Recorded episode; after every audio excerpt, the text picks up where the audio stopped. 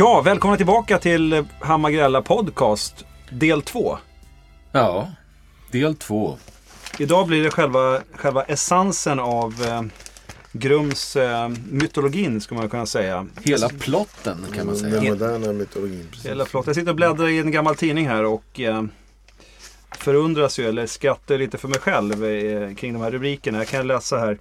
Eh, här står alltså ett reportage, fyra sidor, om eh, fejkad kidnappning eh, i Grums. ja, Eh, ja, det var ju alltså för de som inte känner till det. Det var ju alltså då en, eh, skedde en kidnappning i Grums för ett antal år sedan. Eh, väldigt dramatisk sådan. Men eh, riksmedia och eh, många av de här skjutjärnsjournalisterna i, i tv och radio hakade ju på och hävdade att det här var inte alls någon kidnappning utan det var en eh, var iscensatt av några killar som egentligen bara ville ha lite ledigt från jobbet och åka ner och turista i Europa och eh, komma hem som någon sorts eh, lokala hjältar. Eh, det var tesen. Eh, ja, vi vet ju att det inte var så och eh, det är lite det som det här programmet idag kommer att handla om. Mm, nej, det där är ju helt taget gripet ur luften. Det, det är ju, de har ju själv en väldigt, väldigt trovärdig historia ska jag säga. Alltså, jag tycker faktiskt rätt, rätt eh, Ja, eller hur nu trovärdiga de kan bli de här filurerna. Som vi känner väldigt väl. ja, Jag menar, vad, vad finns det egentligen som motsäger tidningarna i det där? ja, allt skulle jag säga. Alltså, eh, varför skulle de... Allt skulle Åke säga. Det är alltså Åke det handlar om. Vi nämnde honom i förra programmet. Våran, våran vän och bekant får vi säga. Åke som är en av de här två individerna som blev utsatta för det här. Eller som då enligt tidningarna är en av kuppmakarna. Eh, och eh, jag vet inte. Vi har ju hört vad de De har ju berättat i många varv. Eller många varv. Det här går ju som en som ett eh, mantra i hela, hela kommunen Grums naturligtvis då. Men eh, Matte, jag vet inte. Eh, vi, lite, vi får ju lite olika intryck när vi pratar med killarna om vad som har hänt. Ja, det är ju inte så att de har tagit med sig ovedersägliga be- bevis direkt. För deras story. Det är en bra story är det. Men, eh, Men, men du hävdar du att, de, att tidningarna har rätt? ja, men uh, inget är svart eller vitt. Men, eh, Men om vi tar det från början då. Det, det var, det, och där, är ju, där är ju alla överens. Att det började med att killarna satt eh, hemma vid köksbordet eh, och, eh, och petade i maten och kände att låt oss eh, slå på stort och gå ut och käka på en riktig restaurang där man får, eh, ja, får välja mellan så mycket sant. olika. Så det mycket sant. så mycket. Det, där är ju inte ens Janne Josefsson emot oss så att säga. sen, sen bär det ju iväg. För de drog iväg på någon form av krog då i, i trakten som då kunde erbjuda både bröd och sallad och lite, man fick sitta var man ville och lite sådär. Det var ju trevligt. Men vad, hände sen? Det var själva kidnappningsögonblicket. Nej men precis, de, de, de satt ju åt och på något sätt så, så blev de ju drogade. Jag skulle egentligen säga, jag, jag skulle säga så här att det finns hållpunkter, de har berättat sin historia väldigt tro, trovärdigt. Och det finns hållpunkter för att, att varenda moment i den här historien absolut stämmer in. För att det finns ju sådana ligor som, som kidnappar eh, människor runt om i Europa för vidare transport i olika ändamål eh, och eh, de hittar då individer av, av det är fruktansvärda ligger här alltså. Så att eh, jag tycker inte att, att man, man ska betvivla eh, den här historien utan de har berättat väldigt trovärdigt och det är många vittnesmål som, som berättar om liknande händelser. Det där, det där kan jag faktiskt eh, bekräfta för det har jag läst en del också om eh, de här grossistligorna man ska kalla för som samlar på sig. De har väl egentligen inga, inga kriterier att gå på annat än en kroppslängd och lite annat och hud, hårfärg kanske eller hårsort. Och sen går de Ja. egentligen ut och plockar runt på och eh, De har fått beställningar. Ja, så det vet vi. Frågan är om de här killarna utsattes för det. Jag tror ju också det. Matte, du, var ju, du, du är lite mer skeptisk vet jag kring att det var just Ja, det som... lite mer så om man nu ska åka till Nordeuropa och kidnappa eh, eh, så här blåblonda svenskar i en slags Värmlandskommun. Eh, Vad fan ska man ta Åke och, och, och company för? Men deras historia stämmer Ja, ju men- men- så väl med andra, andra vittnesmål. Många danskar exempelvis som har råkat ut för samma sak. Men du, du säger inte motmatt och det är jag glad att du inte gör. Det, det, det är väl såklart ingen av oss som gör. Att ska man åka till någon, något ställe i Sverige så ska man ju naturligtvis åka till Grums. Ja, det Så kan det är- man ju inte motsäga. nej, det, så det det, är så- det, ju, så det är en väldigt så det rik kommun att välja Ja. eh, i. Så att det är klart att om man, det om man, har, en, om man har en topplista på vad man ska men, hitta men liksom man top of det the finns, line. både, det finns både eh, eh, snyggare, rikare, eh, mer volumösa personer att kidnappa i, i Grums än, än de här två individerna. Jag håller med dig. Det, det här är lite, det här tillhör ju, de här killarna tillhör ju kanske eh, inte division 1 då, i, i Grums för all del. Men, eh, men okej, så långt är vi med. De, det hände någonting på restaurangen.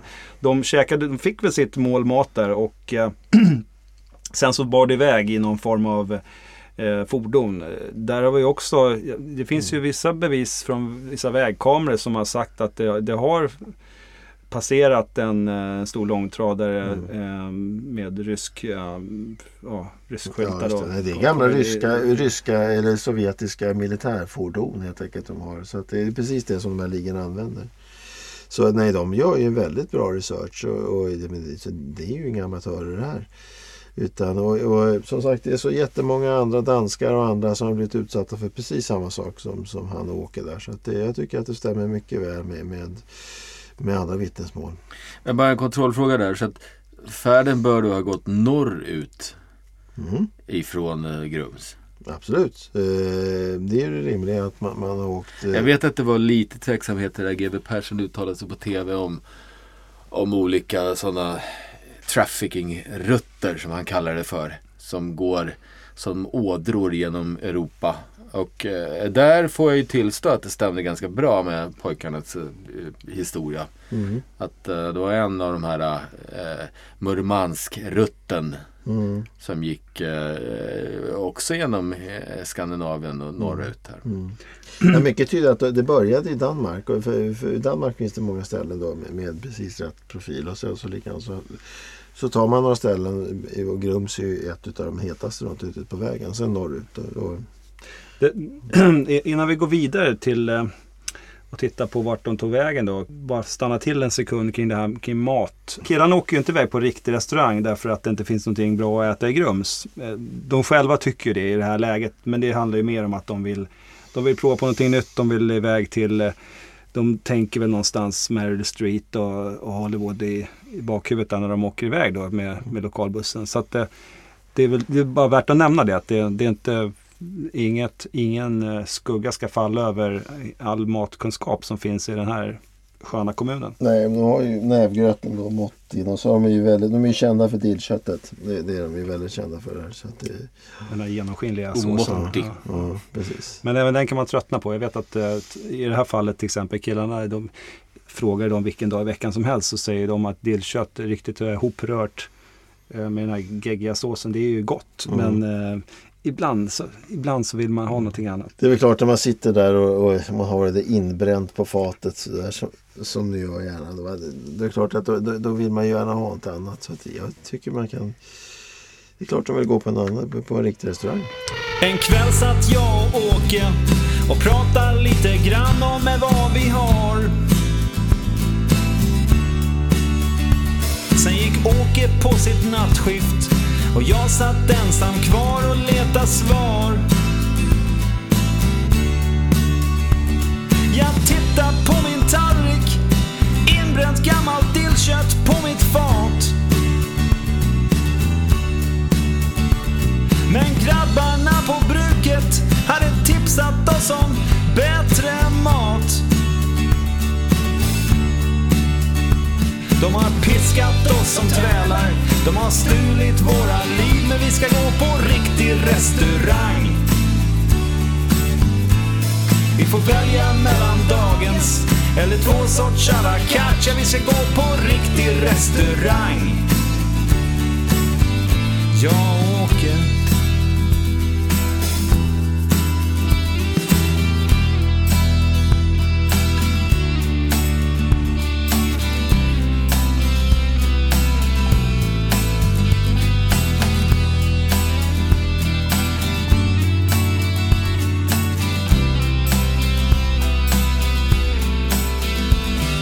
cyklar jag till bruket för att involvera Åke i min plan.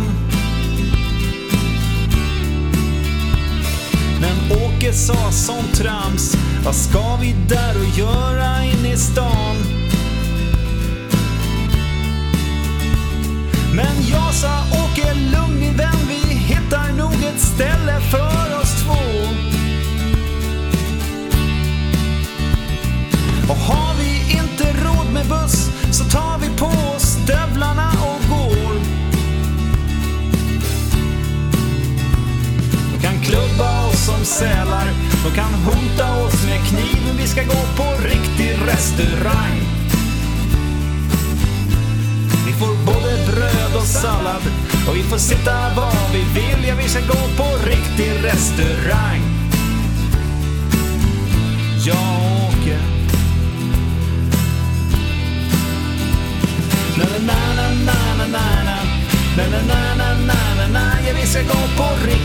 restaurang Na na na na na na na La la la la la la la Ja, vi ska gå på riktig restaurang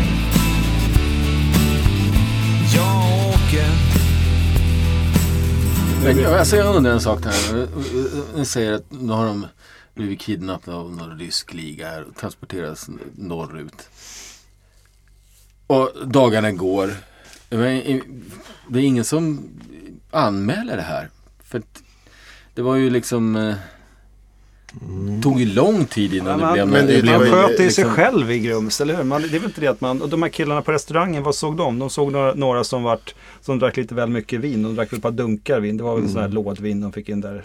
Och det, det var väl inget mer med det. Sen, jag, jag vet inte hur det gick till. Du kanske har hört med Patrik, men att de släppte ut dem där och trodde att de, de drog väl hem killarna på... Det, det, började, det var ju då det började komma media i, i och för sig då. Så att det var två, två grumsbor saknades var ju en, en stor rubrik där. Två grumsare saknades. stod Men det var ju först när de inte dök upp på jobbet, när förmannen... Jo, jo, nej, nej, innan dess var det väl ingen som saknade dem. För, för det är ju som du säger, det, det sköter man sig själv. Va, va, va, ja, absolut. Hur lång tid gick det egentligen innan, innan det överhuvudtaget kom igång någon diskussion om att de var borta? Det var väl någon notis där i Nya Värmlandstidningen om att, eh, att det var några killar som saknades redan på, om det här nu var på en, på en fredag så var det på måndag, tisdag där som det började skrivas om att det var två killar försvunna. Sen var det väl, det fanns ju inga så här missing people eller något sånt på den tiden utan det var väl mer att man, eh, man undrar bara, vad fan är de någonstans? Mm. Ja, typ varför har de inte kommit till jobbet? Ja, ja precis. Så att, och då börjar man spekulera som vanligt. Men man gör ju inte speciellt mycket. Mycket när några bara försvunnit och eh, det var ju, fanns ju inga spår efter brott direkt. Ja, men då får vi säga att ingen av dem hade ju tidigare missat många pass och sina arbetspass på bruket. Frågan är om det märktes någonting på bruket. För det, det, det har vi också kanske touchat tidigare. Att det är inte speciellt effektiv drift där. Och att de här två killarna, jag vet inte deras uppdrag egentligen på bruket. Men jag kan, svårt att tänka mig att de gjorde någon avgörande skillnad i produktionen. Det där är en komplicerad process och det kanske inte är så lätt att se utifrån vilken roll alla har. Så jag skulle säga att de faktiskt hade en, en, de har en väldigt avgörande roll. Eh, och jag, jag tycker numera faktiskt att, att hela den här driften är väldigt effektiv. Så där vill jag faktiskt eh, säga emot det bestämdaste. Att, att man har effektiviserat så mycket. Just deras roll är att få in det rätta, rätta angreppet i stampen där är, är faktiskt väldigt viktig. Så att de märktes väldigt mycket ska jag säga. Men inte så att produktionen stod stilla de här. Det var ändå Nej, tre, det måste ju, ja, i och med att, att det här var ju just när det var högtryck i produktionen så det var ju tvunget. Jag tror att, att eh, man upplevde en försämrad kvalitet. Absolut av att de var borta. Det gjorde man.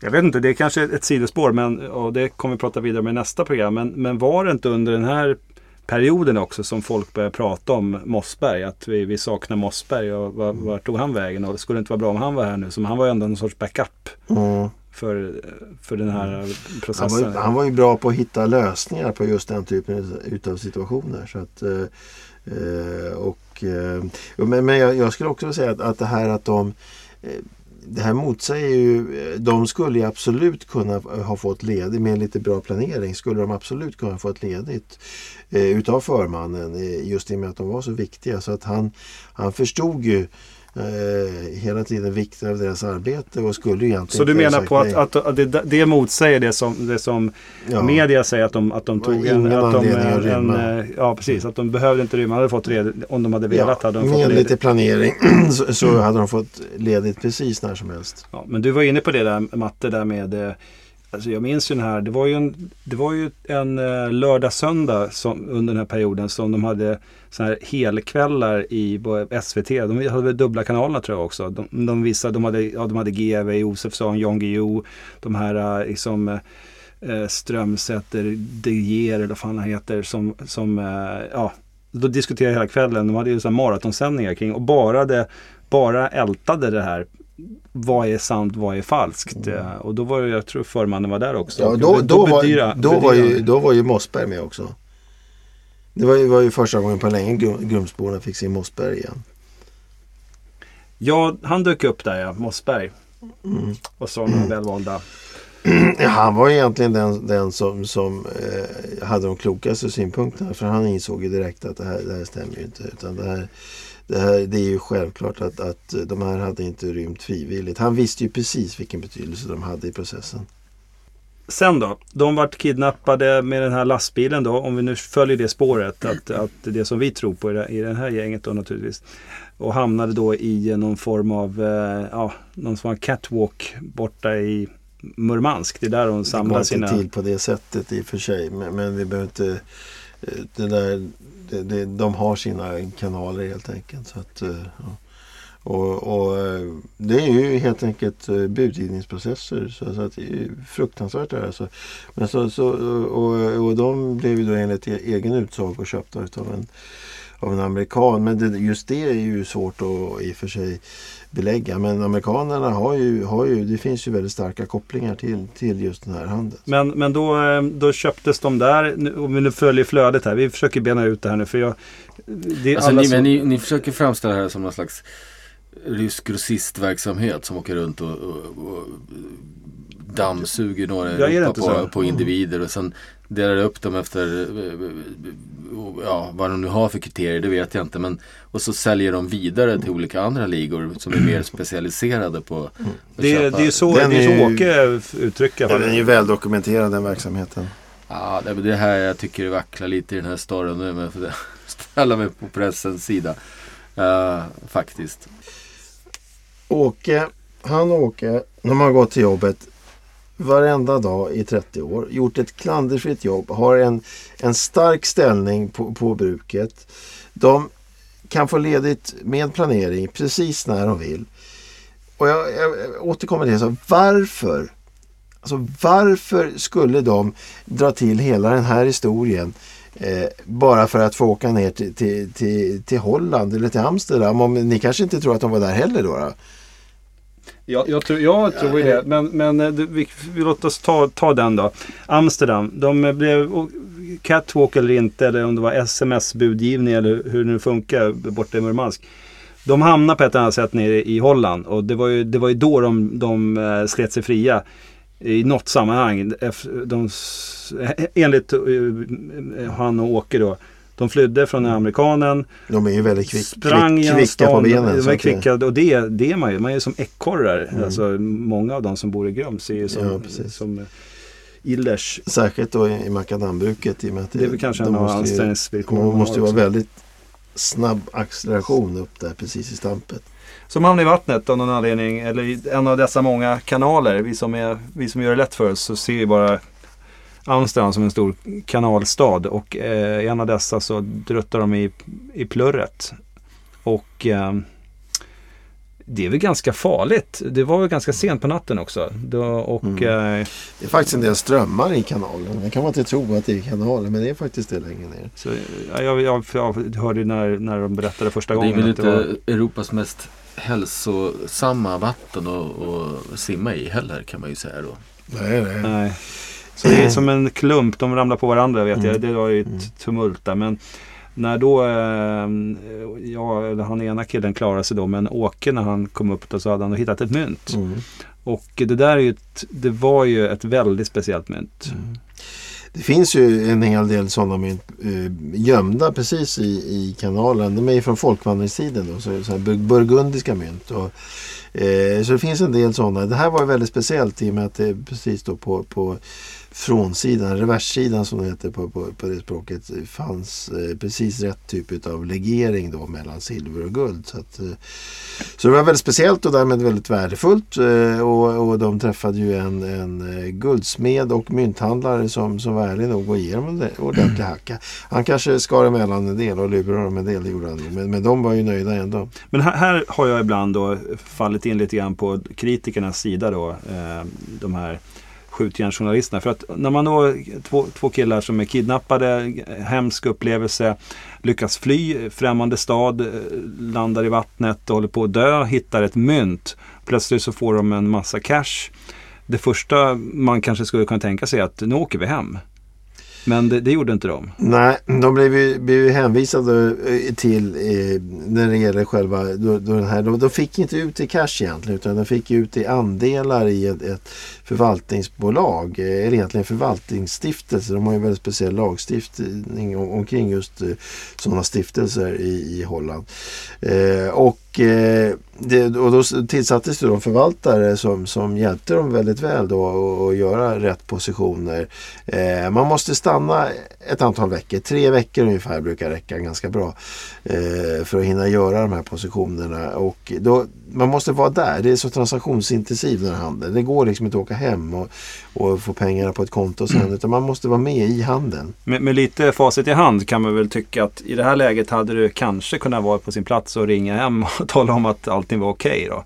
Men det, gjorde- det gjorde Hej, vi, vi i Amsterdam, vi är stenrika. Ja, precis. Det, det, det, hade väl inte varit fel, eller?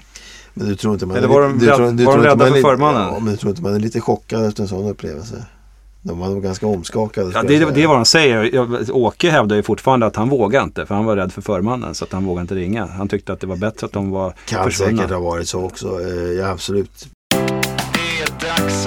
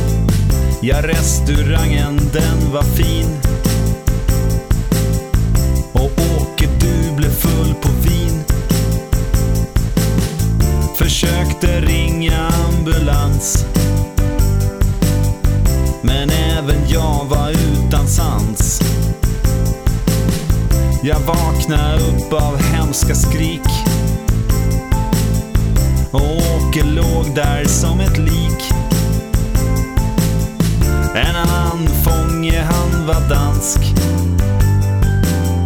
Och vi var halvvägs till Murmansk.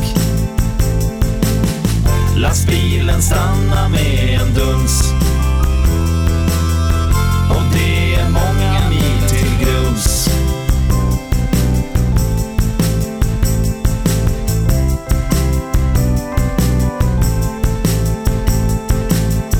Två slavar fast på okänd ort.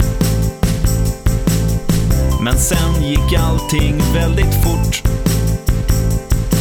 Vi blev köpta av en amerikan. Som bjöd över en japan. Han tog oss med till Amsterdam. Och när vi hade kommit fram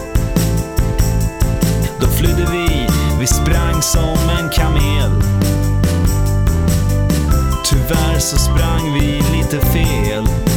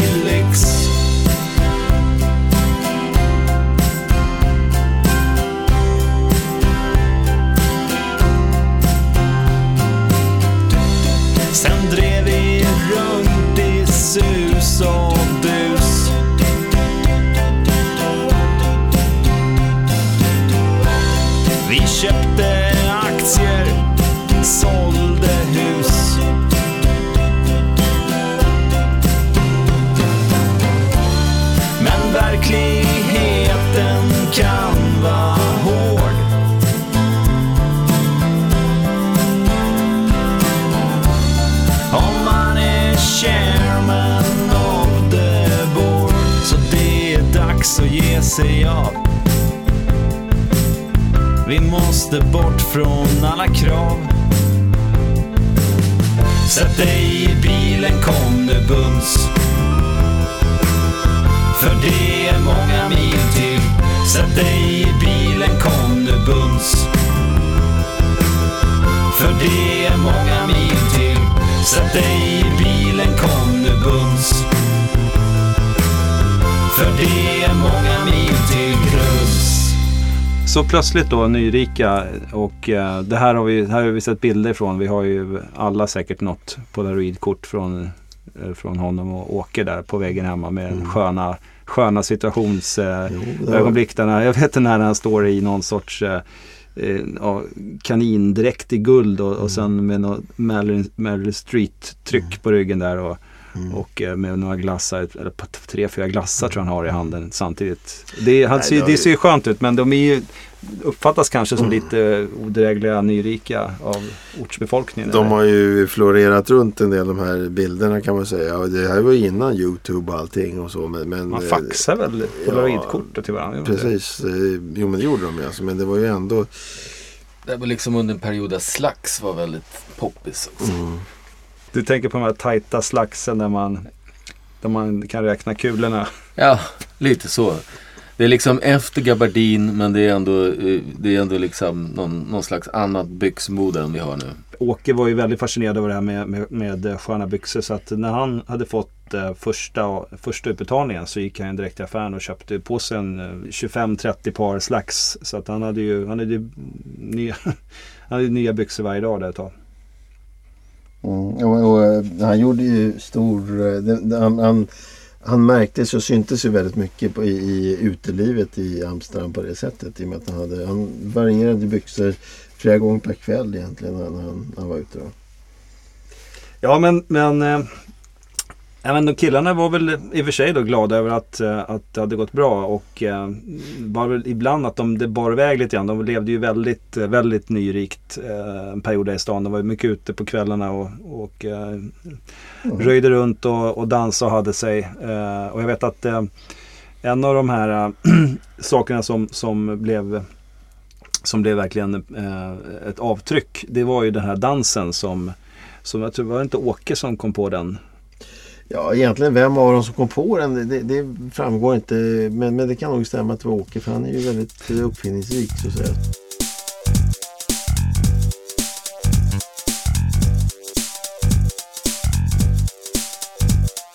Åke glider in på ett innediskotek Han svänger på sin stjärt Hela livet är en lek Och jag har nya slags Snart så är det dags. För här på diskot är det mums Men det är många mil till Grums Det är vår sista dans Med Amsterdams elit. Champagne är inte gratis Men det är godare än sprit. Åke han är het. Han är vig som en atlet. Han snurrar bak och fram. Vår sista kväll i Amsterdam. Jag dansar runt som en väderkvarn. Hyllar Holland med en väderkvarn. Imorgon har vi redan lämnat stan. Dansar omkring som en väderkvarn.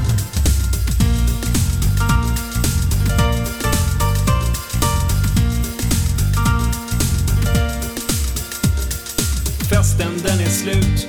Vi säger hej och tack. so.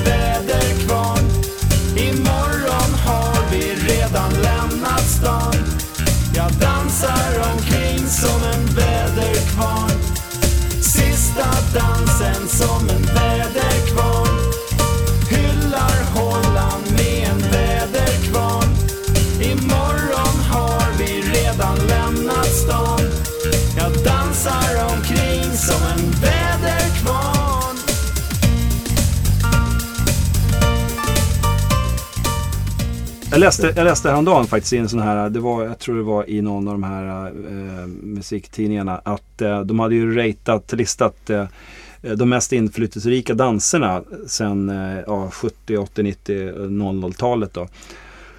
Och då var det ju då en lista som där toppen då bestod av det var eh, Tra- Travolta-danser, Saturday Night Fever, det var Gangnam Style, det var Pogo Dancing, det var någonting till. Och sen var det då Väderkvarnsdansen som, som var en av, en av dessa som jag tror var tvåa. Eh, och det var alltså då Åke. Ja, jag skulle hävda att det var Åke som uppfann den. Mm.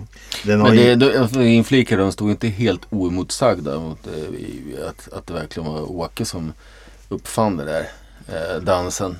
Nej, jag vet. Eh, det och där det var är ju inte tråkigt. direkt så bevisat att det är han som har uppfunnit den heller. Nej, men men det det är väldigt väl dokumenterat ändå tycker jag att, att, att eh, där har ju Ja men det är något De som är var med irriterande, irriterande tycker jag mera. Det är den här Gunther Grassmunk då, den här att, eh, österrikiska eller östtyska är han väl eh, reggae-producenten då som eh, gjorde en del sån här eh, skräp tillsammans med Opus och andra, andra orkestrar. Han, han hävdade att det var hans uppfinning det här och han hade ju han drog igång något, någon sorts talangprogram kring det där i, i, Östtyskland och det var liksom Han är Windmill. inte så våldsamt trovärdig heller. Nej, han är ju inte det. Han känns ju väldigt plast i hela han. Så att hela han är ju en, en, en sorts cover får man väl säga. Men han, han, han fick ju rätt mycket uppmärksamhet. För de här killarna, Åke och de, de har ju, igen då, de är ju grumsiga. Och de vill ju inte ta så mycket plats för det här. Så att de tog ju väl kanske inte riktigt eh, Tog inte liksom, ja, gjorde så mycket affär utav det. Då var den här Gunther då den som eh, ansågs som uppfinnare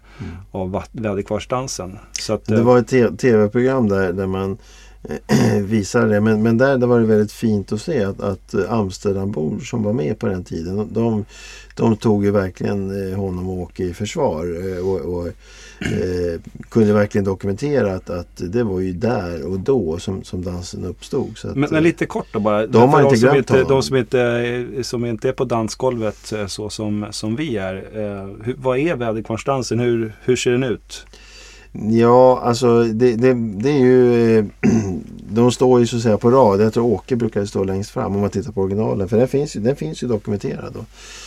Eh, och och så, så har man armarna rakt ut och den andra har den då helt eh, lodrätt så att säga. Och sen så gäller det att synka det här i en, en eh, rundrörelse som gör, ger en, en väldigt tydlig illusion utav en väderkvarn.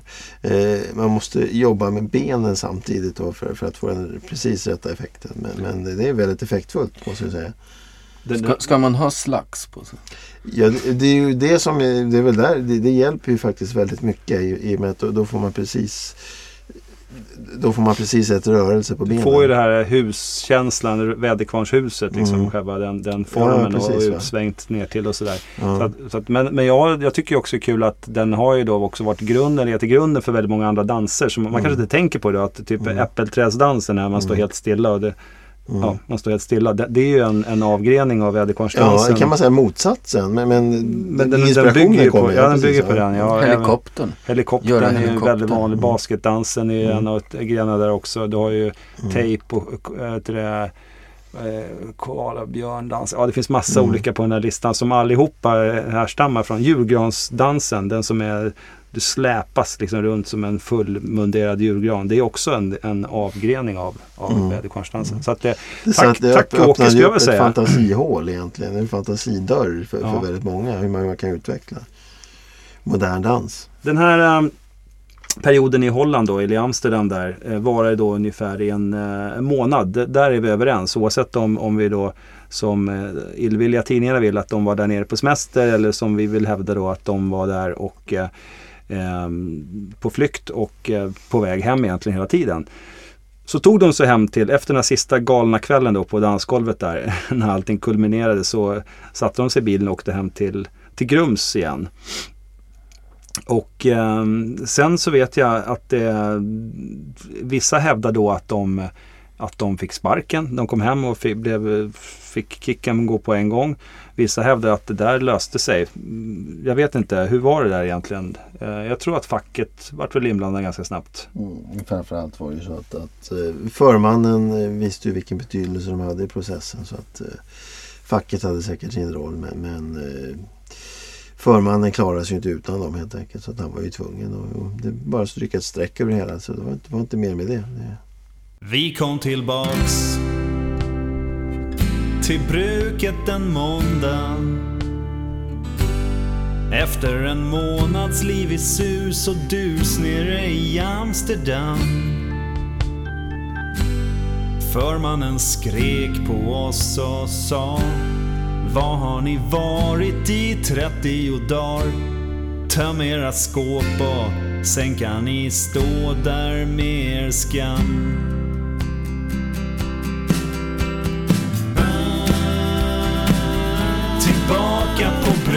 Bruket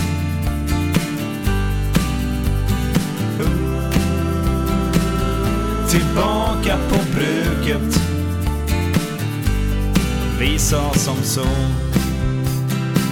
Ni har nog saknat oss två.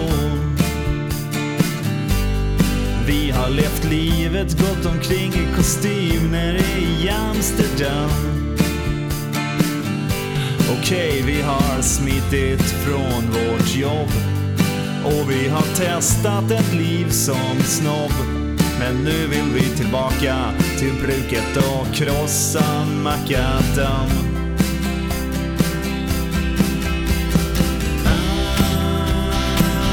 Tillbaka på bruket.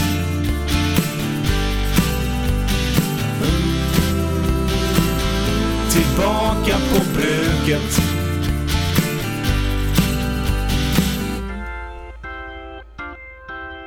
Sent samma kväll. Vi sitter i köket Tuggar på sås med dillkött Tänker på Amsterdam. Visst finns det säkert bättre mat Men vi är nöjda med dillkött på fat. Åke han garvar Tar sig en snus och hämtar sin kam.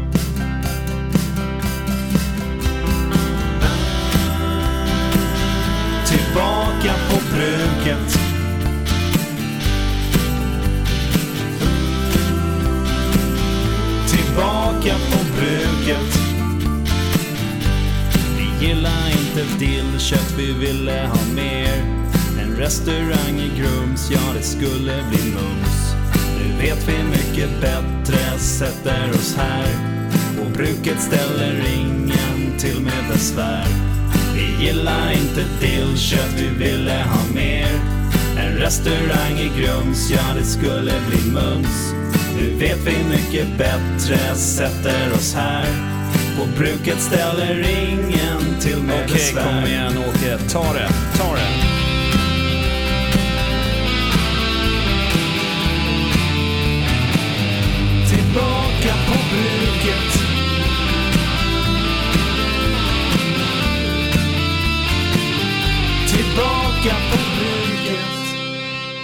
Klart att det pratas ju en del. Alltså ska man kunna vara borta sådär. Hur, bara kunna liksom sticka iväg på det här sättet och inte få några konsekvenser. Det är klart. Och på en liten ort sådär. Det är klart att det pratas. Det, och det pratas ju fort än idag. Det, ju- Ja, Alltså, en skeptiker skulle kunna hävda då att med tanke på förmannen är att de hade lite gruvlig ångest efter att ha varit ute på sitt eh, firande från jobbet i fan en månads tid. Att de eh, därifrån började eh, bygga den här historien. ja, det själva, men att själva rädslan eh, för förmannen fick de insett att vi måste ha en bra story att komma upp med. här. Ja, nej men alltså jag, jag har väldigt svårt att se hur, hur man så, så kan berätta den här historien som har så mycket trovärdiga hållpunkter till dokumenterade verkliga företeelser. Eh, hur man skulle kunna göra det eh, det, det, det förstår jag faktiskt överhuvudtaget inte. Alltså. Eh, så jag, jag måste säga att tills motsatsen är bevisad så måste man hålla deras story för sann. Ja men man skulle i alla Jag fall kunna säga så här. Sann eller inte sann. En sak som i alla fall är helt säkert är att de kom tillbaka till Grums. De kom tillbaka till Grums. Mm. där och det gjorde de ju helt De kom, självmant. kom helt sk- he- helskinnade också.